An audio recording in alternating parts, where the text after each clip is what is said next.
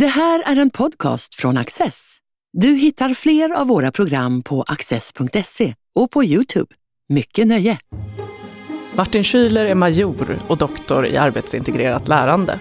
Han delar sin tid mellan Försvarshögskolan och Markstridsskolan i Försvarsmakten. Vad händer när säkerhetsförståelsen inte är en integrerad del i den militära verksamheten? Martin Schüler, välkommen hit. Tack. Du har undersökt säkerhetsklimatet i en militär organisation. Kan du börja med att sätta in oss lite i ämnet? Men säkerhetsklimat är ju den kollektiva uppfattning om hur området säkerhet regleras, i det här fallet då i Försvarsmakten. Och hur arbetstagarna uppfattar det. Och, så, och vad är säkerhet? Ja, men det är exempelvis risker som kan leda till skador för egen personal eller tredje part eller egendom.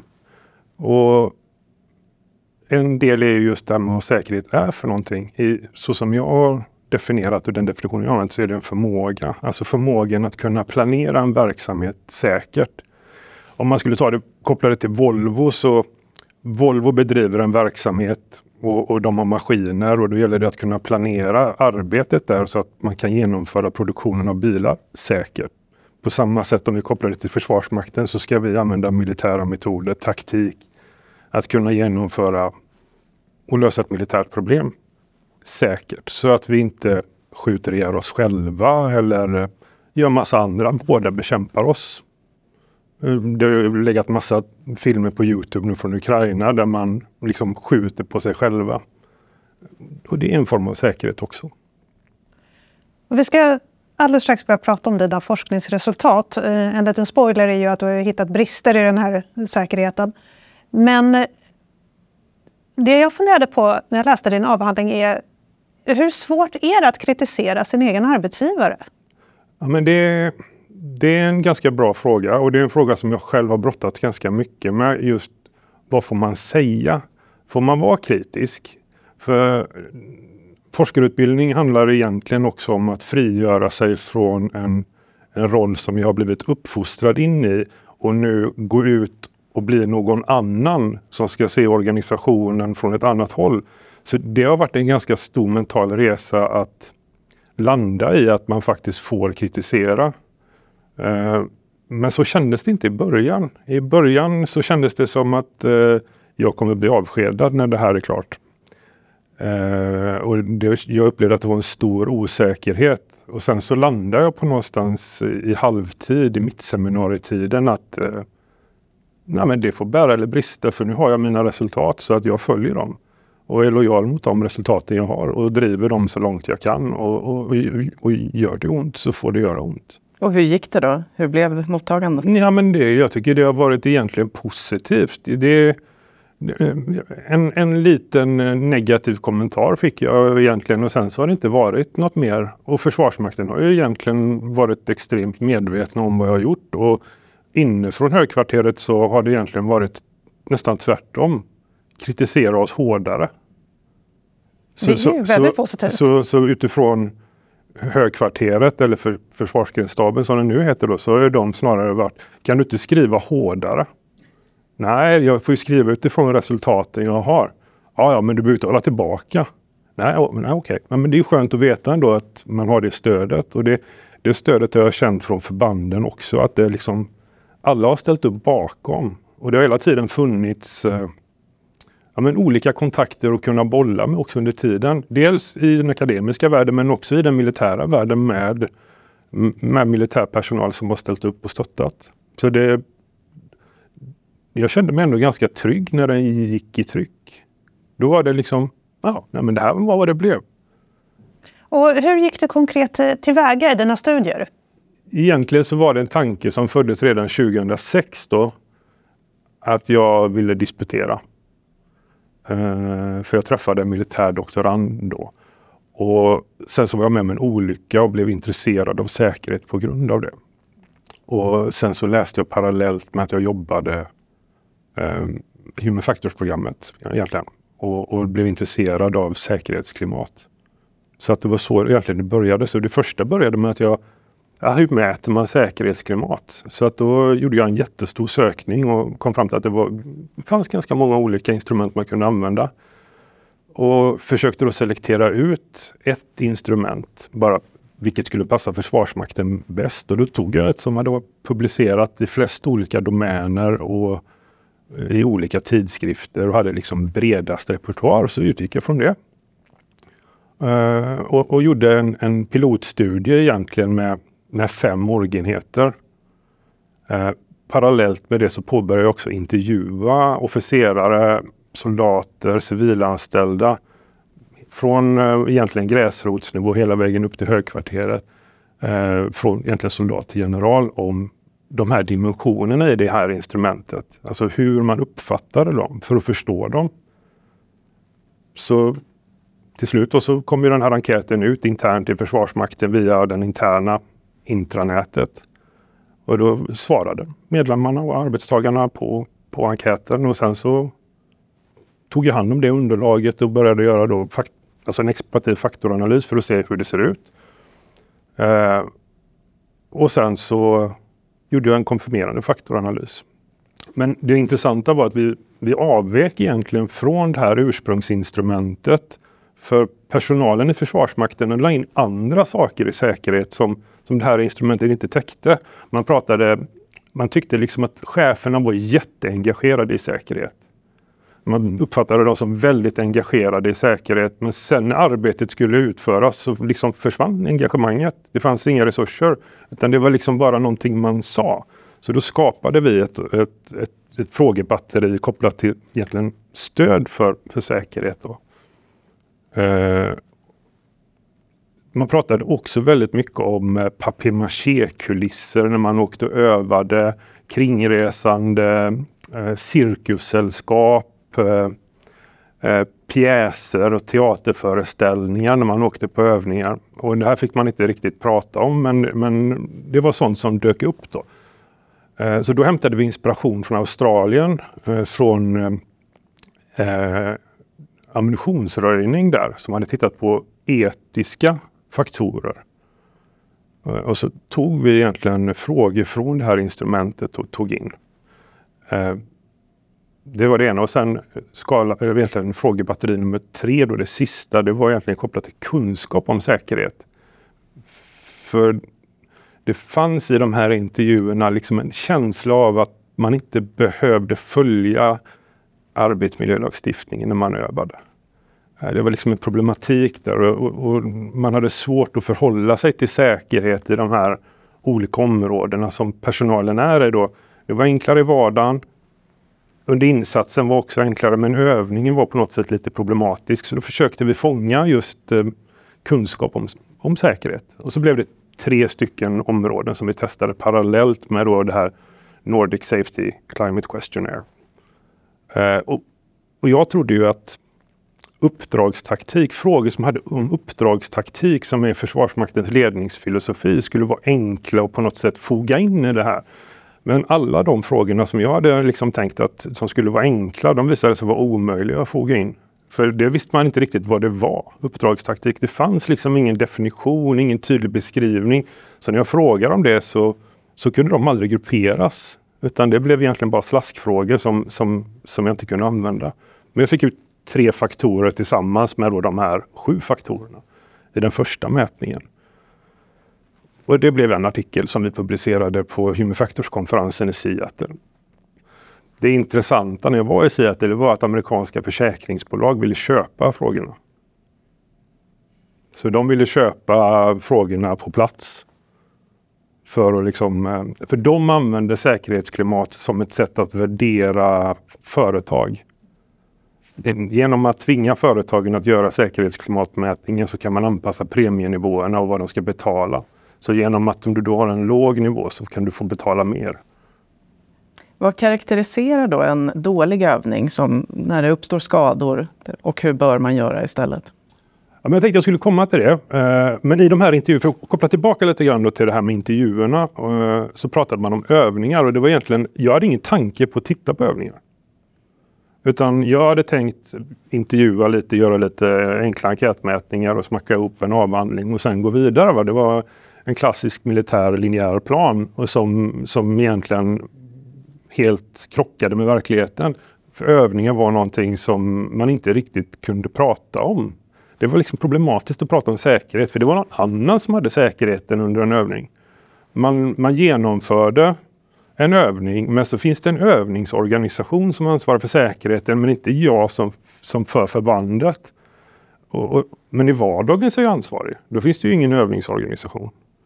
Och, och, och, lagstiftningen säger ju att den som är chef har ett ansvar. Men, men, men det här var en problematik. Så därför så blev jag intresserad av övningar. Men det är svårt när man har varit officer att titta på en övning. För man är så färgad av att titta på en övning. För man har, jag har själv deltagit i massa övningar. Så ett sätt var att börja träna att observera på övningar. Så då började jag genom att egentligen träna på det. Och följer, I det här fallet så var jag på en sjukvårdsövning och följde den. Bara få träna på att observera. Och, och få hjälp också då, tillsammans med min handledare att ifrågasätta mina egna tolkningar om det jag ser. Eh, och till slut så slutade det med att jag valde att åka på den här Northern Wind-övningen. Eh, och det som var intressant där egentligen, det var ju uppenbarelsen också av att vinna är en väldigt stark drivkraft i en övning. Alltså man framar övningen som, som en tävling för man ska ju pröva sina förband. Och då blir det en tävlingssituation man går in i och då, det uttrycker man också väldigt tydligt att det finns en vinnare och en förlorare. Och, och vi, vi, vi, tar på simulatorer som också gör det möjligt att räkna träffar och utvärdera faktiskt vem som vann. Då. Så, så genom att använda det här instrumentet så värdeladdar vi också vissa initiativ som gör att det kanske också bidrar till att man enklare tar initiativ som, som leder till att man får fördelar. Då.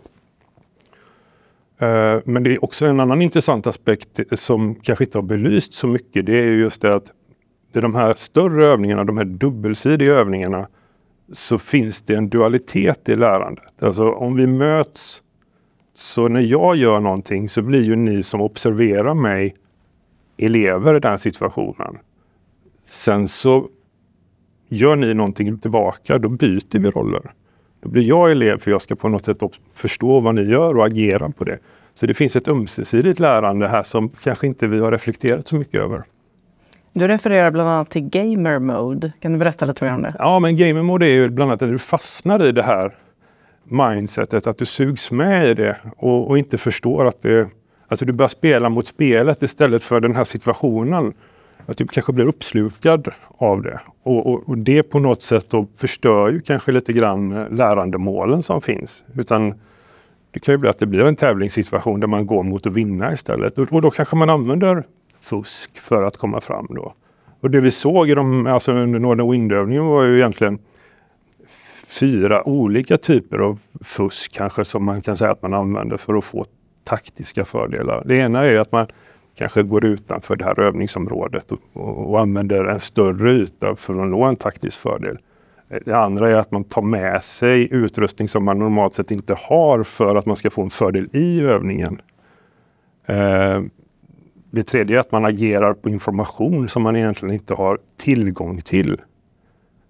Eh, vilket kan vara exempelvis, eh, man kan ställa ledande frågor, att uppföljande personal som man har relationer med hjälper till eh, för att du ska fatta de rätta taktiska besluten. Eh, det tredje kan också vara att man spelar in situationer som, som stoppar upp en taktisk rörelse. Så det finns lite olika saker som, som man kan använda. Då, utan för tanken är ju också att det måste få bli fel för att man ska lära sig med. Alltså det är ju det är en viktig del att det får bli fel. Uh, och det är inte säkert att det kanske får bli så fel alla gånger. För övningen är så mycket mer än en övning. En del är ju en, att det är en militärstrategisk kommunikation som vi genomför. Så det är inte bara det att det är ett lärande utan det är ju en kommunikation mot internt i Försvarsmakten, mot våra politiker men också mot eh, partnerländer och mot främmande makt som observerar. Så den har ju liksom olika dimensioner och då är frågan i det här, vem, vem, vem är viktigast? Jag har en fundering. Eh, om man funderar så väldigt mycket på säkerhets, på, eh, på säkerheten i en övning och man följer arbetsmiljölagar och miljölagar och allt vad det nu kan vara. Kan inte det bli en säkerhetsrisk i sig eftersom den ju faktiskt inte riktigt förbereder en för ett skarpt läge då? För jag tänker, när gruppen vet att den inte är i livsfara eh, så beter den sig ju annorlunda än vad den gör i skarpt läge.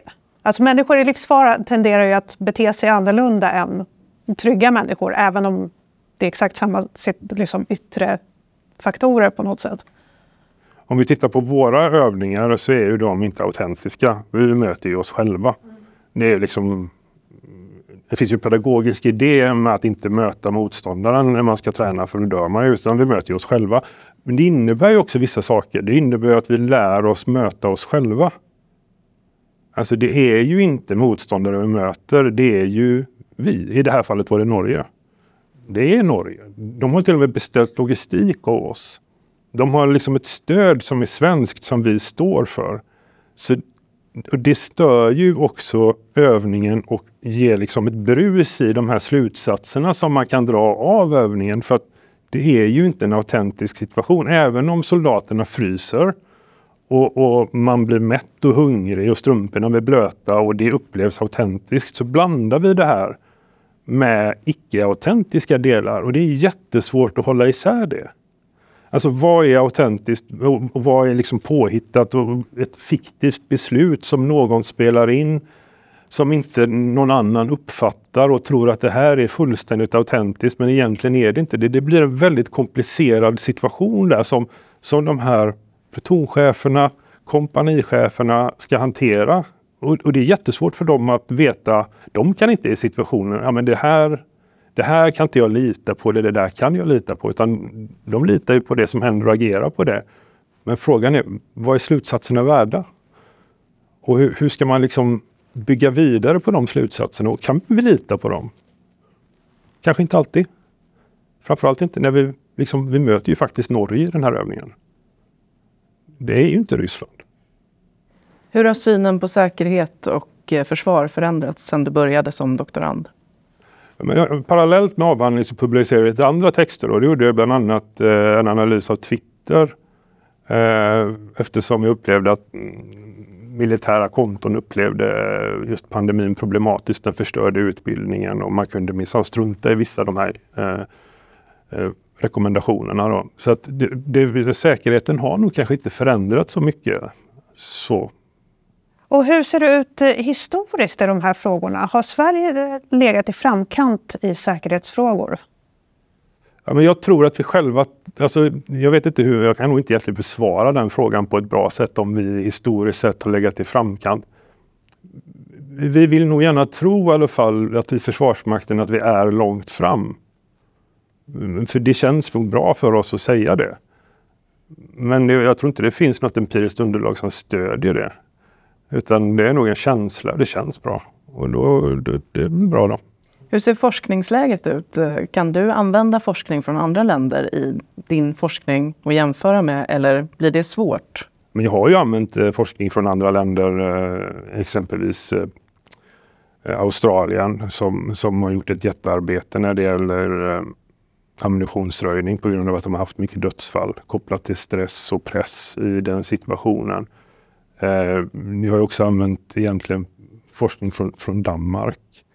Eh, och även Israel i, i, som liksom har varit grunden för säkerhetsklimatet. Så det är ju inte på något sätt ett, en svensk produkt som har växt fram utan det är ju flera olika bidrag som har mynnat ut i, i min lilla bit, min, min pyttebit i det hela.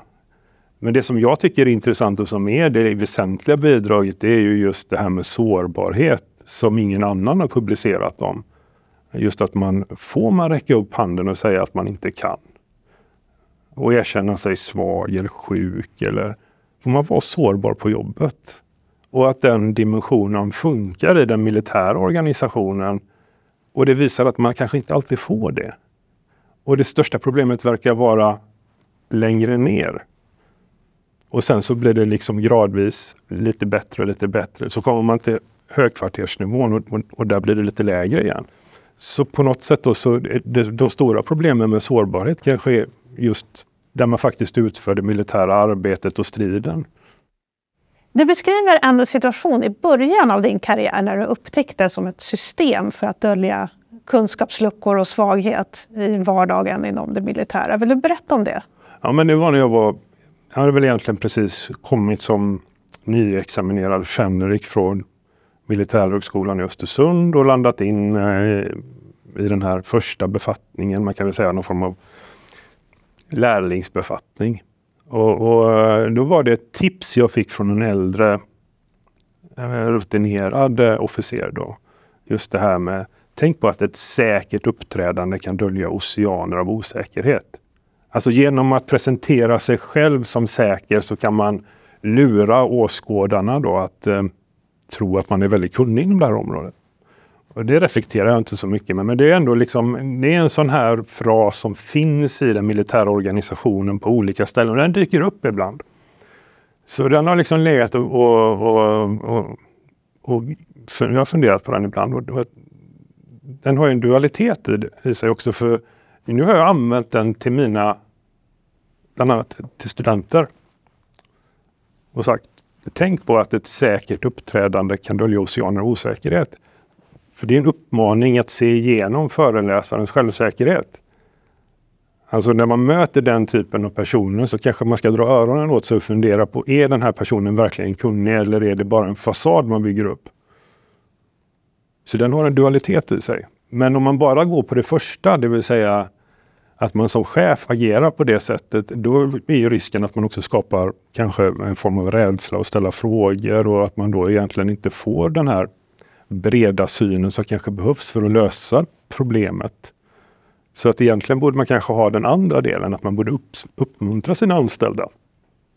Å andra sidan en chef som inte uppträder säkert i en krissituation eller i en övningssituation. Ja, men det är en annan sak. Ja. Det är en annan sak för att i en kris då kanske du inte har tid att agera på det sättet utan då har du kanske en tidskritisk del att det, det måste ske utifrån någon form av automatiserat tänkande eller någonting sånt, för det finns så korta tidsförhållanden.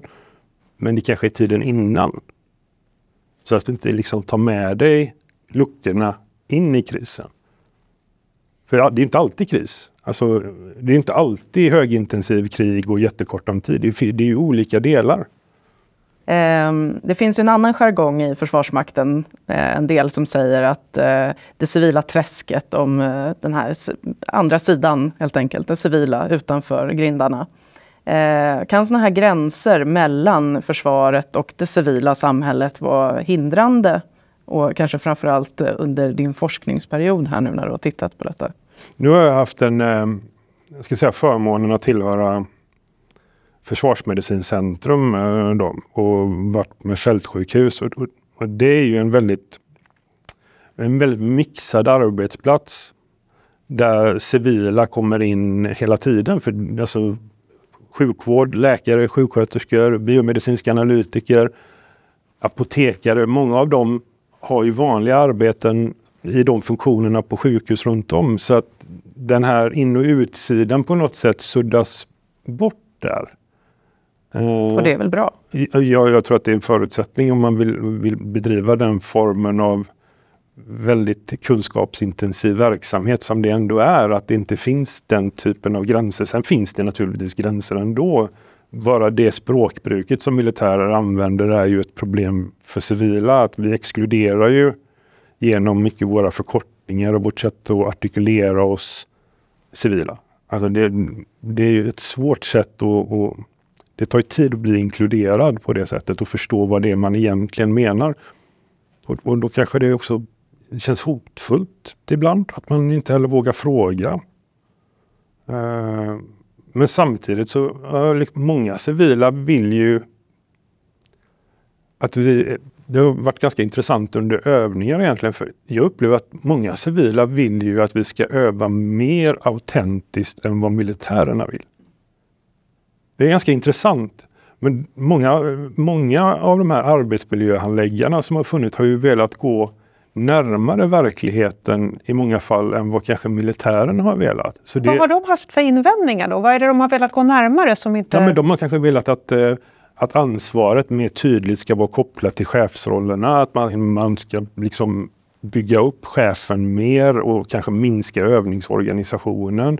Att det ska vara tydligare med ansvaret. För under en övning så har man en övningsorganisation som är på något sätt en aktör också i övningen. Som, som gör stödjande uppgifter och ibland gör de uppgifter som egentligen cheferna ska göra själva.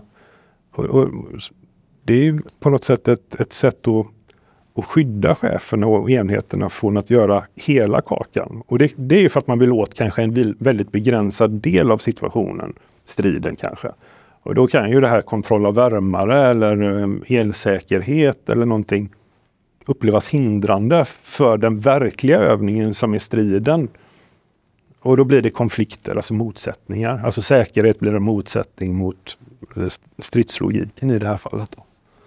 Martin, stort tack för att du ville komma hit och förklara din forskning.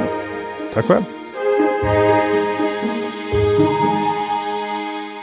Du har just lyssnat på en podcast från Access. Du vet väl att vi också är en tv-kanal och tidning? Teckna en prenumeration idag på access.se.